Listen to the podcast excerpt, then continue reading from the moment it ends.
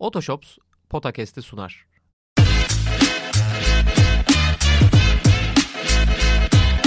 Potakast. Kaan Kural ve Orkun Çolakoğlu'yla NBA gündemine haftalık bir bakış.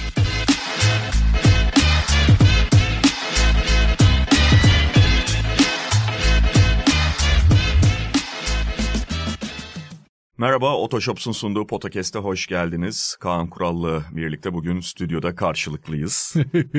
Şartlar bunu gerektirdi. Bu teknolojide daha yine çağ atladığımız bir dönemden Ya geçiyoruz. bana gelen mesajlardan ki illa sana da geliyordur Kaan abi. izleyicimizin kötü sese bir biraz daha bozuk sese diyelim. Özlemi olduğunu ben fark ettim. Dolayısıyla biraz olsun işte evlerden biz bağlandığımızda tabii ki stüdyo ortamındaki kadar tertemiz bir ses olmayınca bu anıları depreştirdi. Bu özlemi depreştirdi. Daha da kötüsünü istiyoruz abi falan gibisinden mesajlar geldi. Dediğim gibi sana da gelmiştir. Ee, bugün bunun arayışında olan izleyicilerimizi maalesef tatmin edemeyeceğiz. Sokak lezzetlerinin peşindeler diyorsun. Ama pis sokakla. Neyse hadi daha açmayayım da. Öyle gurme sokak lezzetleri değil son dönemde meşhur olan. Onlar baya şey hani kimsenin alınmayacağını düşünerek söylüyor. Un kapanı pilavcısı falan istiyorlar. Evet tabii turnuva sonrasında turnuvayı konuşacağız. Başka konularımız var. Başlarken hatırlatmalarımız olacak. Onları bir duyurularımızı yapalım. Yepyeni ikinci el deneyimini yaşamak için Otoshops'ta yepyeni indirimler sizi bekliyor. Otoshops.com'dan tüm indirimli araçları inceleyebilir ve Türkiye genelinde 18 ayrı noktada yer alan yetkili satış noktalarını ziyaret edebilirsiniz. E, bu zaten klasik duyurumuz. Bunun yanında zaten Sokrates'in sosyal medya hesaplarında da duyuruları, postları görmüş olduğunuzu tahmin ediyoruz. Reflect Stüdyo'nun sürdürülebilirlik ve yüksek kalite anlayışı Sokrates'in spor kültürüyle bir araya geldi ve e, Reflect Stüdyo Sokrates ortaklığındaki koleksiyon sizlere de sunulmuş durumda. Bizler de modelliğini yaptık beceremeye beceremeye ama ürünler güzel olduğu için Onlara bakar, e, bakabilirsiniz. E, almak isterseniz alabilirsiniz. Bu hatırlatmayı ve duyuruyu da yapalım. Turnuvayla başlayalım istersen Kaan abi. Final Four oynandı. Las Vegas'taki Final Four oynandı. Biz Vegas öncesi geçen hafta konuşmuştuk. Bir ön bakış yapmıştık. Bugün de biraz turnuva sonrası konuşalım. ya bir kere bence Tyrese Halliburton ve Le- LeBron James'in finalde karşı karşıya gelmesi hani bayağı yakıştı. Çünkü ya turnuva başından beri aslında büyük oranda bir başarı hikayesi. Daha doğrusu amacına ulaşma hikayesi diyelim. Başarı biraz göreceli. Başarılı ama ki bazıları o kadar başarılı bulmuyordur ama amacına ulaştı mı tamamen ulaştı. Yani her şeyden önce oyuncular çok önemsediler. Kasım ayındaki normalde çok dikkate alınmayan maçlar çok daha dikkat çekti. Çok daha rekabetçi maçlar oynandı. Ve açıkçası buraya gelmek için hemen hemen her herkes değil ama oyuncuların %90'ı, takımların %90'ı çok ciddi bir konsantrasyon ve çaba sergiledi. Ee, sonuçta bir takım şampiyon oldu ama herkesin bu amacı etrafında birleşmesi ve bunu buna gerçekten bir kupa etiketi yapıştırılması onlar sayesinde oldu. Fakat bütün bu önemsemenin içinde işte mesela Devin Booker'ın o son saniyede attığı üçlüğün falan ne kadar önemli olduğunu gördük. Memphis maçında attığını falan. Hani onların hikayesi bir tarafa. İki oyuncu gerçekten biraz daha fazla önemsediğini, biraz daha fazla öne çıktığını gördük. Biri Tyrese Halliburton. Daha grup maçlarından itibaren ki nitekim iki takımın da namalup finale gelmesi yani grupların da namalup bitirmesi sonra namalup finale gelmesi çok şey anlatıyor bence. Tyrese Halliburton'da ben şu ana kadar hiçbir şey kazanmadım benim kazanma fırsatım olan ilk şey bu. Benim için hayattaki en önemli şey diyordu. E LeBron'un da sahada zaten geçtiğimiz hafta da konuştuk. Savunma konsantrasyonu, hızlı hücuma çıkıştaki enerjisi, nasıl odaklandığı, oyuna nasıl yaklaştı, oyunun en kırıcı yerini nasıl kırıcı yerlerini nasıl oynadığını falan görünce de hani bu yaşta abi NBA final serisi oynuyor gibiydi LeBron yani. Ee, belki biraz da işine geliyor. Şimdi yaşı itibariyle ve takımın genel hali itibariyle işte 4 maçlık yani 7 maçlık 4 seriyi kazanmaktansa 3 tane maçı kazanmak görece biraz daha kolay. Yani en azından daha yapabileceği bir şey. Daha kon- onun kontrolünde olan bir şey. Çünkü o kadar fazla maçı kazanmak tek başına onun kontrolü. Ama tek maça hükmedebiliyor. Nitekim gerek çeyrek finale biz konuştuk onu gerekse yarı finale tamamen hükmetti Lego. Hı hı. İnanılmaz iki maç oynadı gerçekten. Finalde de iyi oynadı ama finalde onun o da, ondan daha öne çıkan biri vardı. Ama olağanüstü bir turnuva geçirdi. Keza Tyrese Halliburton da öyle. Onun da finali belki yarı final ve çeyrek final kadardı ama çeyrek final ve yarı finali mükemmel oynadı. Yani inanılmaz oynadı Tyrese Halliburton. Ki bugün hücum anlamında geldiği seviye bence yani yok hiç Doncic seviyesi neredeyse. Yani tek başına bir hücum sistemi konumunda ve skorer aynı zamanda. Onların finale gelmesi çok uygun oldu. Fakat yarı finallerde önce sonra çeyrek final e, finalde de gördük ki bu iki takım birbirinden çok farklı aslında. Yani belki de hani stratejik yelpazenin iki ucundaki takımlar gibi. Indiana biliyorsun hemen hemen hiç savunma konsantrasyonu çok düşük. Daha doğrusu savunma stratejisi üç, rakibi 3 sayıdan uzaklaştırmak, 3 sayıdan imtina ettirmek ligin en az üçlüye izin veren takımlarından biri. Çünkü 3 sayıya çok saldırıyorlar. Fakat bunun için doğal olarak oraya kaynak ayırırsan, konsantrasyon orada olursa başka ödünler veriyorsun. Çok ciddi penetre kanalları ve boyalı alandan bol bol sayı veriyor. Ligin en çok sayı yiyen takımlarından biri zaten yüksek verimli. E Lakers'ın ana stratejisi de özellikle bu, zaten öyle ama bu maçın özelinde çok daha fazla boyalı alana girmekti. Final maçı için konuşursam. Nitekim abi bir ara 52-22 idi boyalı alan sayıları. Lakers'ın herkes attığı iki üçlükten bahsediyor. Abi 2023 yılında iki tane üçlük atarak maç mı kazanılır ya? Ama esas nokta bence orada 13 tane üçlük denemiş olması. Abi denemedi bile Lakers üçlükleri. Evet. Çünkü her şeyi boyalan hazırlaştı. Nitekim bence eğer 3 sayı performansı açısından zarar gören bir takım varsa Indiana daha fazla zarar gördü burada. Yani Lakers sadece 2 tane atmış olabilir. Bu çok az evet. Tabii ki yani stratejin boyalı alan olsa bile bir, yani 7-8 tane en azından 10 tane falan atmak istersin ne olursa olsun. Yani 13 değil ama 20 tane falan atmayı denemek 20 deneme falan yapıp 7-8 isabet beklersin en azından. O kadar olmadı belki ama Indiana'nın 41'de 10 atması onlara bence daha fazla zarar verdi. Ki final anlamında Lakers'ın ana stratejisi Tyrese Halliburton'a sürekli ikili sıkıştırma getirmek. Başından itibaren ikili sıkıştırma getirdiler. Halliburton başta biraz şaşırdı. iki tane top kaybetti ama ondan sonra bence orayı çok iyi yönetti. Yani her sıkıştırmada sıkıştırmayı biraz aktif alanın dışına çekerek daha pasif bir noktaya çekerek ilk pası çok iyi verdi. Ama oradan 4'e 3 oynamayı hiç beceremedi Indiana. Buddy Hield bomboş şutları kaçırdı ki o yani nokta şutör olarak orada zaten. O şut performansı da istediği seviyede olmayınca buna rağmen Indiana başa baş mücadele etti. Nitekim Lakers'ın 3 maçına bakıyorsun abi oynadığı elemelerde. Abi birinci ile üçüncü maç birbirine çok benziyor aslında. Üçüncü maçta bir Anthony Davis faktörü var ama abi LeBron ve Davis dışında kim bir şey yapacak? Hı hı. Abi kimsenin eli ayağı tutmuyor. Hücum anlamında konuşuyorum. Savunmadaki prensiplerine falan bir şey diyemez. O Cam Reddish'in değiş dönüşümü falan bence çok etkileyici. O da LeBron'un bence kariyerinde ve LeBron'un oyunculuğuna çok artı yazacak bir şey. Yani etrafındaki oyuncuları doğru yönlendirebilme konusunda yani çoğu koçtan çok daha iyi iş yapıyor. Yani öyle bir karakter ki çünkü onun yanında zıpçıklılık yapamıyorsun abi kolay kolay. Hakikaten yapamıyorsun yani. Herkes yani J.R. Smith'i falan bile ya J.R. Smith'i Kyrie Irving gibi falan adam etmiş birinden bahsediyor. Cam Reddish'i bile adam etmiş gibi gözüküyor. Ama işte onlar bir şey yaptığı zaman New Orleans maçında gördük. Yani Torun Prince işte ekstra şutları soktuğu zaman Cam Reddish bir şeyler soktuğu zaman diğerlerinden bir hücum performansı aldığın zaman her şey çok daha kolay oluyor. Çünkü diğer LeBron ve Davis yapması gerekeni yapıyor zaten. Hı hı. Ama onlar yapmadığı zaman da LeBron ve Davis ne yaparsa yapsın yetmeyebiliyor. Ki nitekim az daha yetmeyecekti bu finalde. Ki Anthony Davis son haftaların belki de son sezonun en olağanüstü maçlarından birini oynadı. Evet Indiana buna çok izin de verdi yani Anthony Davis'in iyi oynamasına. Ama ne olsun 41-20 yaptı. Hı. LeBron onu sürekli buldu. Herkes onu sürekli buldu. Çok güzel devrildi. Dediğim gibi çok kolay gitti potaya bazı açılardan diğer maçlardan ama orayı da çok iyi bitirdi. Aynı zamanda savunma görevlerini, rebound sorumluluklarını hiç bozmadı. Biraz işte Austin Reeves destek verdiği için özellikle ilk yarıda hı hı. bu yeterli oldu çünkü Indiana kendi standartlarının altında kaldı. En evet. azından şut performansı olarak. Evet ama diğer taraftan yani zaten bence finalin en çekici tarafı ligin açık ara en iyi hücum takımıyla geçen sene de konferans finaline giderken bunu savunma kimlikli bir takımla yapan işte son dönemde sakatların dönüşüyle birlikte yine o kimliği tutturabilen yine o kimliği baskın hale getirebilen Lakers'ı karşılaştırması. E, yani böyle stil karşılıkları güzel oluyor. Ve şöyle bir şey var. Evet sana katılıyorum. Yani Indiana'nın şut performansı kesinlikle daha iyi olabilirdi. O şut performansı daha iyi olsa Lakers'ın başını belaya sokabilirdi.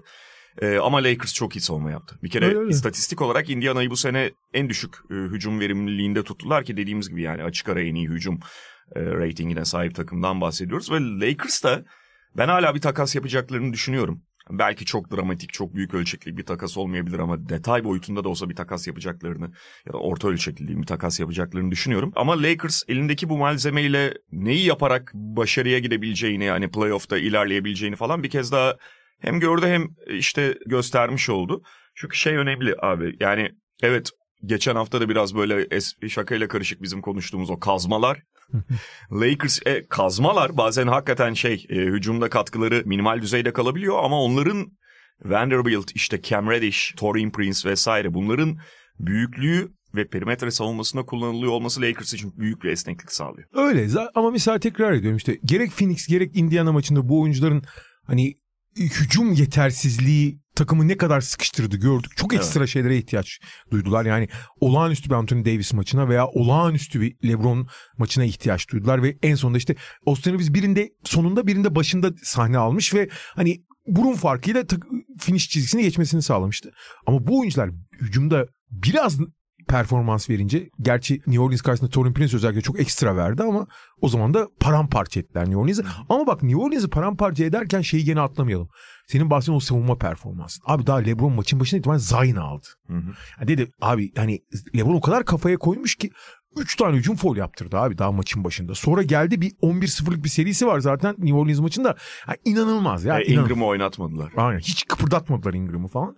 Hani tamamen felç ettiler New Orleans'ı. Hücum çok ekstra olduğu için gene göz ardı ediliyor ama New Orleans maçında da inanılmaz bir savunma sergiledi. Başta LeBron ve takım. Diğer taraftan yani işte sen mesela Tyrese Haliburton'un demecinden bahsettin. Ben bir şey kazanmamıştım falan ve e, Tyrese Haliburton ve Indiana'nın özellikle Amerikan kamuoyu nezdinde biraz daha dikkat çekmesi anlamında da önemliydi. Yani şampiyon olamamış olabilirler ama dikkat çeken takım en fazla dikkat çeken takım belki onlar oldu turnuvanın başından beri. Milwaukee maçları da çok iyiydi yarı finalde. Yani zor duruma düşmüşken falan belli bir ölçüde geriye düşmüşken oradan gelip kazanmaları. Indiana işini yaptı bu turnuvada ve kendi istediğini aldı.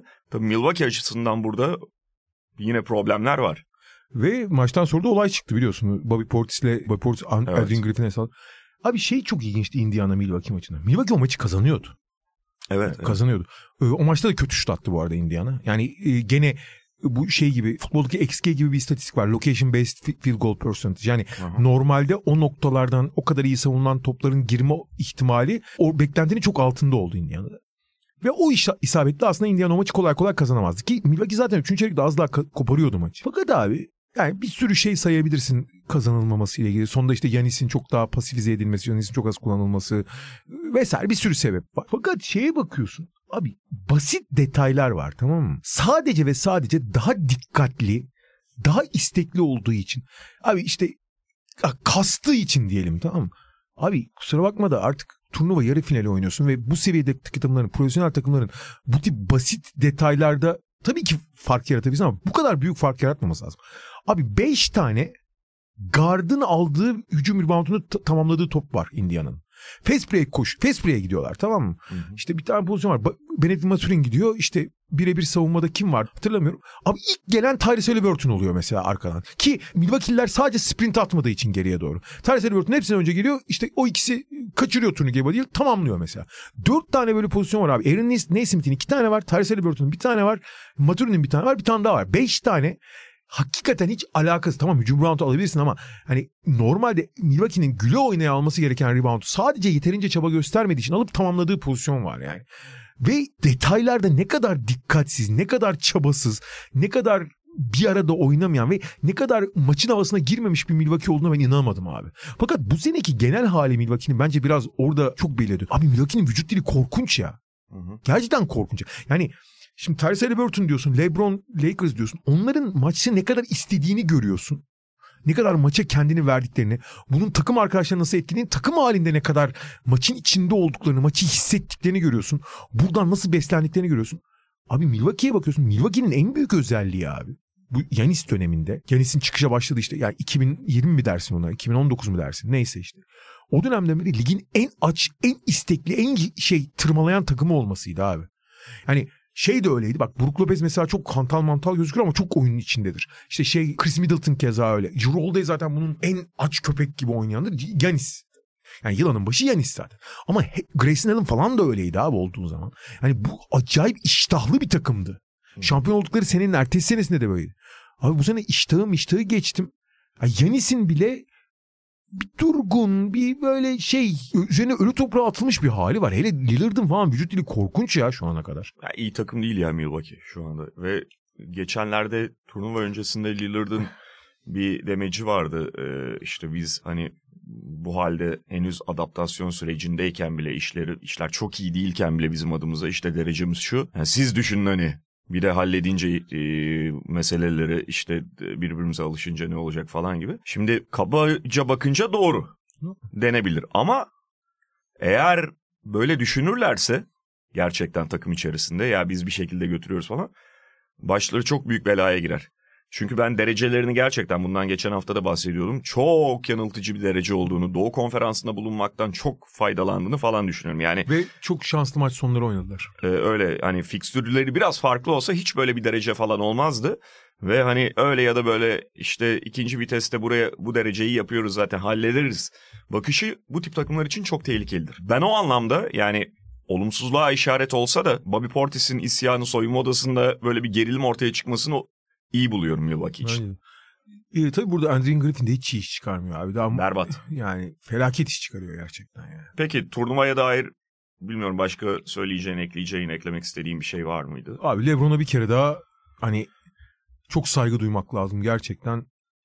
Çok acayip bir yani bu turnuva performans. Daha da bu sezon ben sö- e, konuşuyorduk ya. Abi en iyi Lakers'daki en iyi halinde olabilir LeBron şu anda ya. Hı hı. Yani ve yıllar ilerledikçe biraz daha erozyona uğraması gereken yetenekleri ki bazı açılardan bence uğramış durumda. Bazı açılardan. Ama abi o kadar ki oyun olgunluğu o kadar arttı ki ne zaman ne yapacağını o kadar iyi bilen bir oyuncu. Mesela özellikle genç yıldızlar arasında benim en çok söylediğim şey mesela Jason Tatum örneği veya Anthony Edwards örneği. Ne zaman neyi yapacağını hala çözememiş oyuncular durumdalar. Ki normal bu bir süreç çünkü. Ee, seçmek, keskinleşmek bunlar cilalanan bazı oyuncular için biraz daha zor cilalanan bazıları oyuncular için daha mesela Tyrese Halliburton çok daha o konuda hani neredeyse top seviyeye gelmiş durumda çok erken yaşta ama o bir onun Allah vergisi. Bazı oyuncular daha geç oluyor. Abi LeBron baştan beri belli içgüdüleri vardı ama özellikle işte ilk şampiyonluktan sonra falan iyice cilaladı. Şu anda mesela 35 dakika mı oynuyor? Abi 15 dakika efektif oynayıp bunu maçın geneline etki yarattırmayı inanılmaz iyi biliyor abi. Çok çok acayip yani. Evet peki turnuvayı böylece paketleyip biraz daha diğer konulara geçelim. Biraz Clippers konuşalım dedik çünkü üst üste dört maç kazandılar. Gümbür gümbür gelen bir Clippers takımı varsa konuşmak gerekir diye düşünüyoruz. Ve yani çok kötü bir dönemden sonra toparlanmış gözüküyor Clippers belli ölçüde. 12-10'a geldiler. İşte Batı Konferansı'nda 8. sıra Phoenix'in de düşüşüyle birlikte. Tabii ki daha iyisini hedefliyorlar ama bir nefes aldılar ve aslında öyle fikstürün getirdiği bir şey de değildi. Çünkü son iki maçları her ne kadar Portland ve Utah'a karşı olsa da ondan önce de Denver ve Golden State'i yendiler. Öyle ya da böyle. Yani iki Golden tane State- kaliteli galibiyette aldıklarını söyleyebiliriz. Golden State biraz hediye etti maçı onu söyleyelim. Yani biraz Doğru. Bahayla hediye etti. Ama mesela şey de var abi. Ondan önce de şimdi son 6 maçta da 5 galibiyetleri var. Oradaki o Sacramento ve Golden State maçları da ilginç. Yani NBA normal sezonda fikstüre çok dikkat etmeniz gerekiyor. Fikstür çok belirleyici olabiliyor back to back'ler. Özellikle yani kaliteli takımlar birbirleriyle oynarken. Bir tanesi back to back oynuyorsa ciddi bir adaletsizlik doğuyor. Mesela onlar Sacramento'yu back to back'in ikinci ayağında yakalamıştı. Çat kazandılar. Bir gün sonra Golden State deplasmanına gittiler. Bu, bu defa Clippers back to back oynuyor. Golden State bunlara e, tokadı vurdu. Sonra Golden State'ten evet tuhaf bir ikinci yarıyla falan aldılar maçı. Öyle ya da böyle yani şeydir galibiyettir kağıt üzerinde. İşte iki hafta önce e, Dallas galibiyetleri var. Şey E, çok Biraz acayip. daha toparlanmış gözüküyorlar yani. Abi bu sezonun kesin ama yakın geçmişin bence en korkunç kara lekesiydi Denver mağlubiyeti onlar adına. Yani Reggie Jackson, DeAndre Evet, Jordan evet. ikilisine maç kaybettiler. Hatırlayacaksın. Aaron Gordon yok, Jamal Murray yok, Nikola Jokic yok. DeAndre Jordan ve Reggie Jackson'a maç kaybettiler. Yani bir takımın düşebileceği en dip- dip nokta o. Abi bu hafta tam kadro Denver'ı yendiler. Hı hı. Şimdi aradan 10 gün geçti sadece. Ee, Bu bence önemli bir dönüşüm. Yani şimdi o maçı kaybetmelerinin de sebepleri, bu maçın kazanmalarının da sebepleri takım bir anda çok değişmiş değil. Ama takım da en azından Harden'ın gelişinden sonraki hiyerarşinin belli açılardan oturduğunu görüyoruz. Ki Russell Westbrook ikinci beşe alınıp yani Harden'la Westbrook'un yan yana oynayamayacağını artık çok net bir şekilde fark etmiş ve onların dakikalarını ayırmış durumdalar. Harden ana karar verici konumda, e, pasör konumda daha düşük tempo oynuyorlar. Bu düşük tempo özellikle Kawhi Leonard'ın da çok işine geliyor. Zaten Clippers öyle yüksek tempo oynayan falan bir takım değil. Westbrook onlara tempo veriyordu. Bundan avantaj devşiriyorlardı. Özellikle ikinci beşte Norman Powell'lı falan beşler daha tempolu oynuyordu. Ama zaten onu gene yapabilirler. Yani Russell Westbrook'la Norman Powell kenardan gelip o gene daha tempolu bir hale dönüştürebilirler. Terence Mann'i ilk beşe aldılar. Bu takımın fiziğini daha da yukarı çekti. Yani James Harden da sonuçta ne olursa olsun kötü bir savunmacı olsa da fizikli. E abi Terence Mann, James Harden, Paul George, Kawhi, Zubats'la hakikaten çok fizikli takım oldular. Hı hı. Bu da işte özellikle son 2-3 yılda değişen trendlerle daha fizikli oynamanın avantajını getiriyor. Ve şey çok önemli oldu abi. Paul George sezonu harika girmişti. Gerçekten harika girdi yani. Ve açıkçası bu kurguda yani Kawhi Leonard, Paul George'u son 4 senelik Clippers kurgusunda Paul George ana karar verici konumunda. Ve kariyerinin bu döneminde Paul George bu işi gerçekten iyi de yapıyor. Bu sene de mükemmel başlamıştı. Fakat Paul George'un bu rolde kalması ideal mi? Bu biraz soru işareti. En büyük konu James Harden geldikten sonra ana karar vericiliği Paul George'un elinden alıp Paul George'un tekrar bir Indiana günleri gibi veya işte Oklahoma City günlerindeki ilk zamanları gibi bir kanat oyuncusuna devşirilip devşirilemeyeceği. Abi Paul George o rolü hala bu arada top yönlendirme de bir ikinci olarak da. Fakat o role tekrar adapte olmuş gibi gözüküyor. Daha önemlisi yalnız abi. Kawhi bir numaralı opsiyon oldu tekrar. Yani çünkü Paul George karar verirken Kawhi tam bir numaralı opsiyon gibi değildi. Onu biraz paylaşıyor gibilerdi. Sonuçta topta Paul George değil. Şimdi abi Kawhi bir numaralı opsiyon olduktan sonra Kawhi iyi olduğu sürece onun altını çok rahat doldurabiliyor zaten. E James Harden ikili oyun bildiği için Zubats'ı da bir tehdide dönüştürebiliyor. Veya işte Terence Mann'i de tehdide dönüştürebiliyor doğru topsuz oynadıkları zaman. Ve bir anda buradaki hiyerarşi oturmuş durumda. Hiyerarşinin oturması da pek çok şeyin yerine. Ha savunma anlamında takımın hala özellikle işte büyük kalarak belli bir seviyede oynaması oynamayı sağlıyor ve böylece Harden'ın savunma zaafları da bir şekilde giderilebiliyor. Daha doğrusu kamufle edilebiliyor. E Russell Westbrook kenardan gelip belli bir ivme sağlıyor fakat takım çok daraldı. Onu da söylemek lazım. Kadro çok daraldı. İşte Covington'lar, Batum'lar falan bütün yan parçalar gidince ama hiyerarşinin oturması abi ana unsurları daha belirginleştirdi orada. Evet ama yani bu takımın başı da ilginç şekilde hani e, çünkü bir zaman Kawhi Leonard, Paul George işte bütün bu kimlikle birlikte savunmaya öncelikle aslında Hı. sırtlarını dayıyorlardı. Başı savunmadan belaya girecek, girecekse. Yani o da açık biçimde gözüküyor. Ama en azından büyük kalacaklar ya. Büyük kaldığın zaman belli savunma temel unsurları elinde oluyor. Sağda daha büyük oluyorsun her şeyden Doğru ama yani şey top trafiği olan takımlara karşı ben sıkıntı yaşayacaklarını düşünüyorum. Kazandıkları maçlarda da bence onları gördük. Yani Evet. şey falan da Denver maçı da, Golden State maçı da biraz daha hani o topu dolaştırıp belli pas trafiğiyle oynayan takımlar Clippers'ı sıkıntıya sokabiliyor, takipte zorluk yaşayabiliyorlar. Ama bir şeyler oturuyor evet. Yani işte Russell Westbrook öyle ya da böyle rolünü kabullendi. Evet 20 dakika bile oynamıyor artık. Ve şey yani tamamen enerji veriyor. Hı hı. O enerjiyle iyi geliyor. Ee, Oyunu da Clippers'a. değiştiriyor girdiği zaman. Bir anda Evet hakikaten evet. yani çok aheste bir atmosferden bir anda hızlanınca rakipleri de şaşırtıyor. Fakat dediğin gibi yani çok dar kadroyla oynuyorlar Evet, şu anda. evet. Bunu bir şekilde aşmaları da gerekiyor. Ligin en zengin kadrolarından biri, ligin en dar kadrolarından biri- birine dönüştü bütün bu takaslardan sonra falan. Evet yani bazı oyuncuları da hani bilmiyorum daha fazla kullanabilir mi ama belli ki düşünmüyor. İşte PJ Tucker zaten şu anda rolünden memnuniyetsizliğini dile getirmeye başladı. Kofi bir ara kullanılıyordu. Tamamen kenara itildi. Bu tip isimleri de artık kullanmıyor. PJ. Tucker'ın şu anki rolü havlu sallamaktan ibaret galiba. Yani o herhalde ayrılmak isteyecek bilmiyorum. Bence de, da, e, bence de. Zaten onu dillendirmeye başladı. Peki biraz da ligin gurur tablosunu konuşalım. Ya ben Detroit programdan önce sordum da hani dinleyicilerimize de bir trivia olsun. Detroit, San Antonio ve Washington'ın son 52 maçta kaç galibiyet aldığını biliyorsun değil mi? 52 maç ha bak 52 maç Hı hı. toplam. Yani NBA'nin en kötü takımı bile işte kaç 8-9 galibiyet oluyor işte. Yani 50 maçta 3-4 galibiyet oluyor. Abi 52 maçta bir galibiyet aldılar. Bu arada onu da saymamak lazım çünkü o galibiyetle Washington'ın Detroit'i yendiği maç. Ya bu iki takımın Aralarındaki aralarında oynadığı maç. Yani birbirleriyle oynamadıkları diğer 27 takımla oynadıkları maçların 52'si 52'de 50 52'de 0 pardon 51'de 0 durumdalar şu anda. ve yani tabii ki kötü takımlar var ya da işte bu takımların kötülüğünden şey yapıyorduk.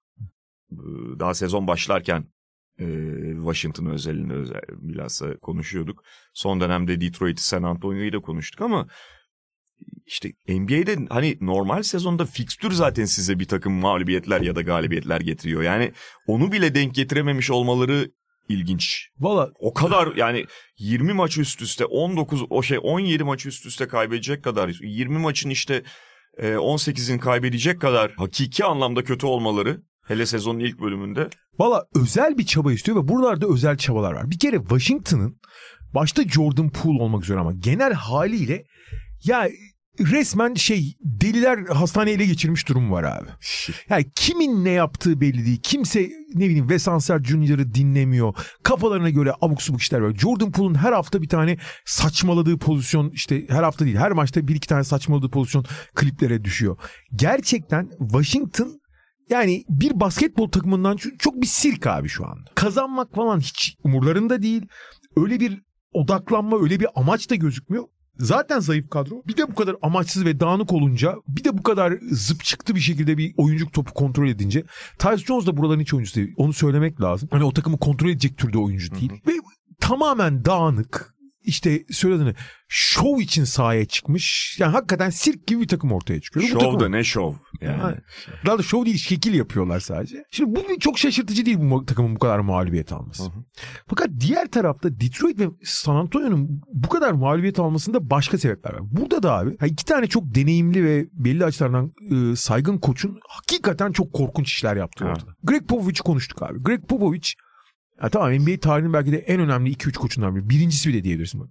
Fakat o kadar korkunç bir deney yapıyor ki şu anda. İki maçtır vazgeçti bu arada. Van Miami'yi artık 5 numara oynatıyor. Ve bence biraz kaderleri değişik. Çünkü Van Miami 5 oynadığı zaman bazı taşlar daha fazla yerine oturuyor. Van Miami da çok etkili oluyor falan. İki maçta zaten y- 20-20 yapıp duruyor Van Miami. Biraz daha iyi olacaklar. Çünkü Zach Collins'le yan yana oldukları zaman Van Miami verimli değil. Verimi daha da düşürüyorsun onu potadan uzak topla buluşturarak. Artı onun en büyük fark yarattığı çember çevresindeki etkinliğini de azaltıyorsun. Çünkü çemberden uzak kalmak zorunda kalıyor. Şimdi ilk 5'te pivot olarak başlayınca birçok şeyi değiştirdik. Maç başına her maç 17 rebound 6 blok falan yapıyor zaten. Fakat asıl konu abi sene başından beri şu işte Jeremy Sohan bir numara oynayacak. Bu takım abi zaten ciddi bir top yönlendirici problemi yaşayan bir takım. Şimdi Devin Vassell'i geçirdi şimdi ilk oyun kurucu. Abi Devin Vassell'in de oyun kurucu özellikleri çok düşük. Jeremy Sohan'ın da çok düşük.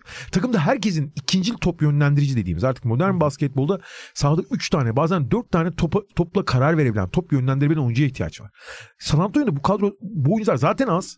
Abi bunları yapabilen kısmen Devin Vassell hiç yapamıyor aslında. Şimdi deniyor ama hiç yapamıyor. Devin Vassell skorer çünkü. Abi biraz Jeremy Sohan yapıyor. Ondan oyun kurucu yaratmaya çalışıyor. Gerçekten bu işi yapabilen tek oyuncu Trey Jones. Trey Jones'u nedense 20 dakikanın altında oynatıyor. Ve ilk 5 başlatmıyor. Biraz Malachi Bra- Branham çok az ama. Biraz Cedi. O kadar abi. Şimdi böyle olunca korkunç verimsiz bir top trafiği. Hiçbir şekilde doğru yerde topla buluşturulamayan bir Wembanyama ki asıl amaç Wembanyama ile hazırlamak. Ve abi bu sene San Antonio 11 defa maç içinde 10 sayı öne geçmiş biliyor musun? Kaçını kazanmış bu maçları? Birini abi. 10 defa çift taneli öne geçtiği maçları kaybediyor. Çünkü bazı bölümlerde hakikaten hiçbir şey yapamıyorlar. Yani hücumda bu kadar pas San Antonio Beautiful basketbolu literatüre kazandıran takım. Yani top trafiği üzerinden optimizasyon üzerine oynayan bir takım. Bu kadar mı pas yapamayan, bu kadar mı top trafiği yapamayan, bu kadar mı akıcılıktan uzak, bu kadar mı 2.24'lük bir adama top indiremiyorlar abi. O yüzden indiremedikleri için 3 sayının dışında veriyorlar. O da guard gibi oynamak zorunda kalıyor ve o, o yetenekleri şu anda çok sınırlı. Ve perişan oluyorlar. Hı hı. Halbuki abi ilk 5'te Trey Jones'u oynatsa ki zaten bazen zaman zaman oluyor. Trey Jones, Doug McDermott, Devin Vassell, Keldon Johnson, Wembanyama oynasalar çok derli toplu bir takım abi. Şimdi maç kazanmak evet amacı değil San Antonio'nun. Ama bu kadar saçmalık da oyuncuların gelişimine zarar veriyor abi. Oyuncuların kendi oyuncularına darbe vuruyorsun Tabii yani. canım eski Philadelphia'ya döndüler. Ha. Yani prosesin başındaki Philadelphia rezilliğinde gidiyorlar onun. Hani De- Detroit'le falan ya da şu Washington'la yan yana anı- anılacak takım mıydı San Antonio? Yani Wembanyama geldi diye işte play yine kafayı uzatırlar mı? Şeyleri erkendi ve onlar için abartılıydı diyebilirsiniz ama bu kadar da düşmesi gerekmiyordu. Hakikaten bu kadar kötü bir takım değil bu. Bu bir kadro değil. Abi bak 11 10 kere 10 sayı önden maç vermişler.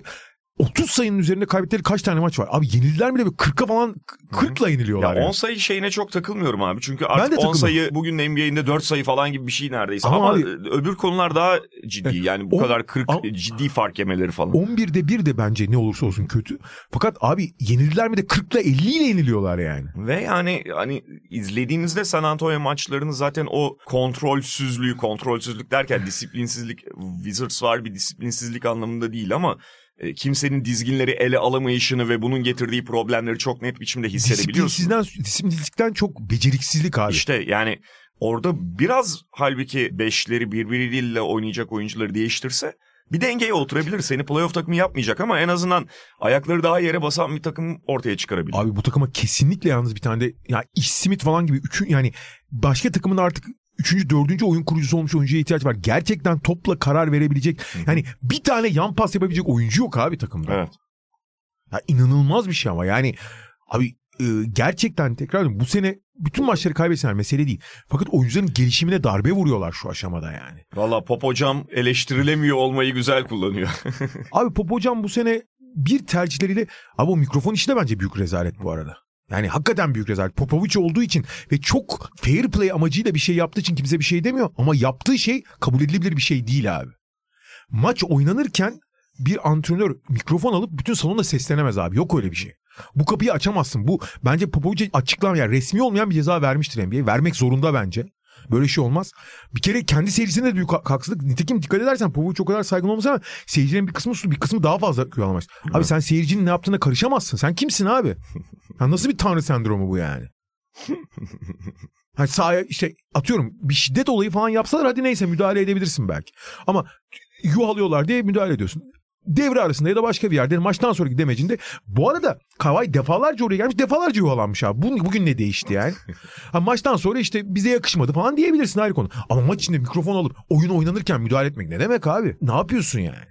Neyse ha, orada Popovic de bu sene acayip acayip şey deli bilim adamı gibi şeyler dönüyor ve hani sonuca da var ama bir kere kesinlikle bir tane bak üst düzey değil.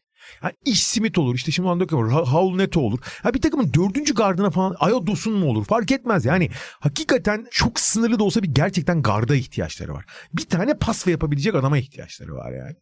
Ee, bu kadroyla olmuyor. Yani hele bu yapıyla hiç olmaz. Diğer tarafta Detroit'e bakıyorsun abi.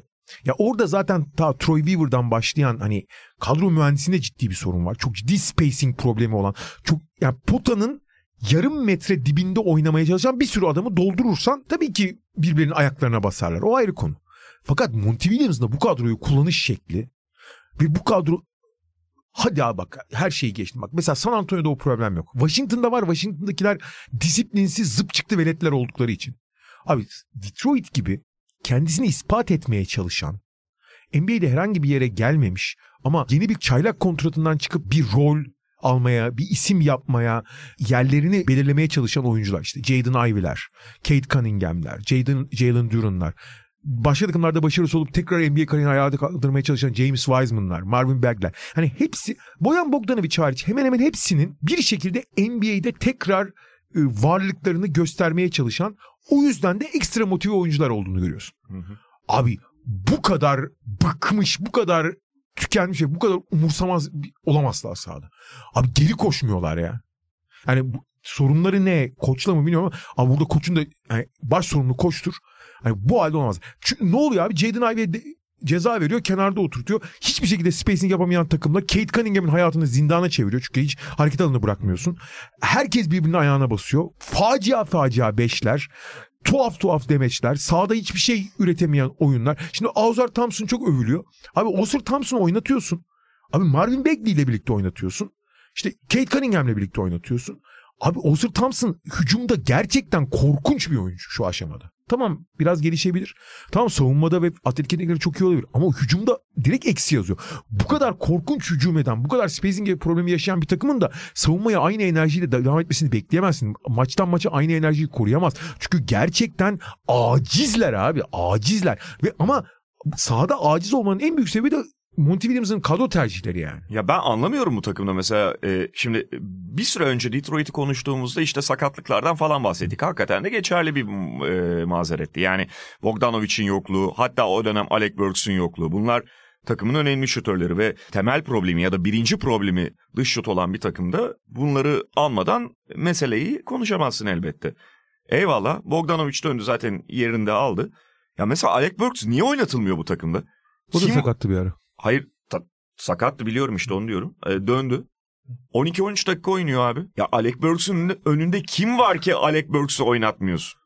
Maç kaybetmek istiyorsan tamam. Bu kadar ama ultra bir şeyle de kaybetmenin anlamı yok şu anki sistemde ya da takımı da mahvediyorsun. Ben mesela hakikaten bak Alec Burks zaten gidecek muhtemelen. Akıllarsa e, şey contender seviyesinde takımlar için çünkü hala bir anlamı var Alec Burks. Ama bu takım niye oynatmıyor? Neyine güvenip Bıraktım Alec Works'ü. Bak o daha değerli olan ama son dönemde iyi olmayabilir falan. Sen Joe Harris'i nasıl oynatmıyorsun abi böyle bir takımda? O da sakatlıktan döndü falan. E tamam abi yani diğer öbürleri de sakat gibi zaten. Benim esas da anlamadım.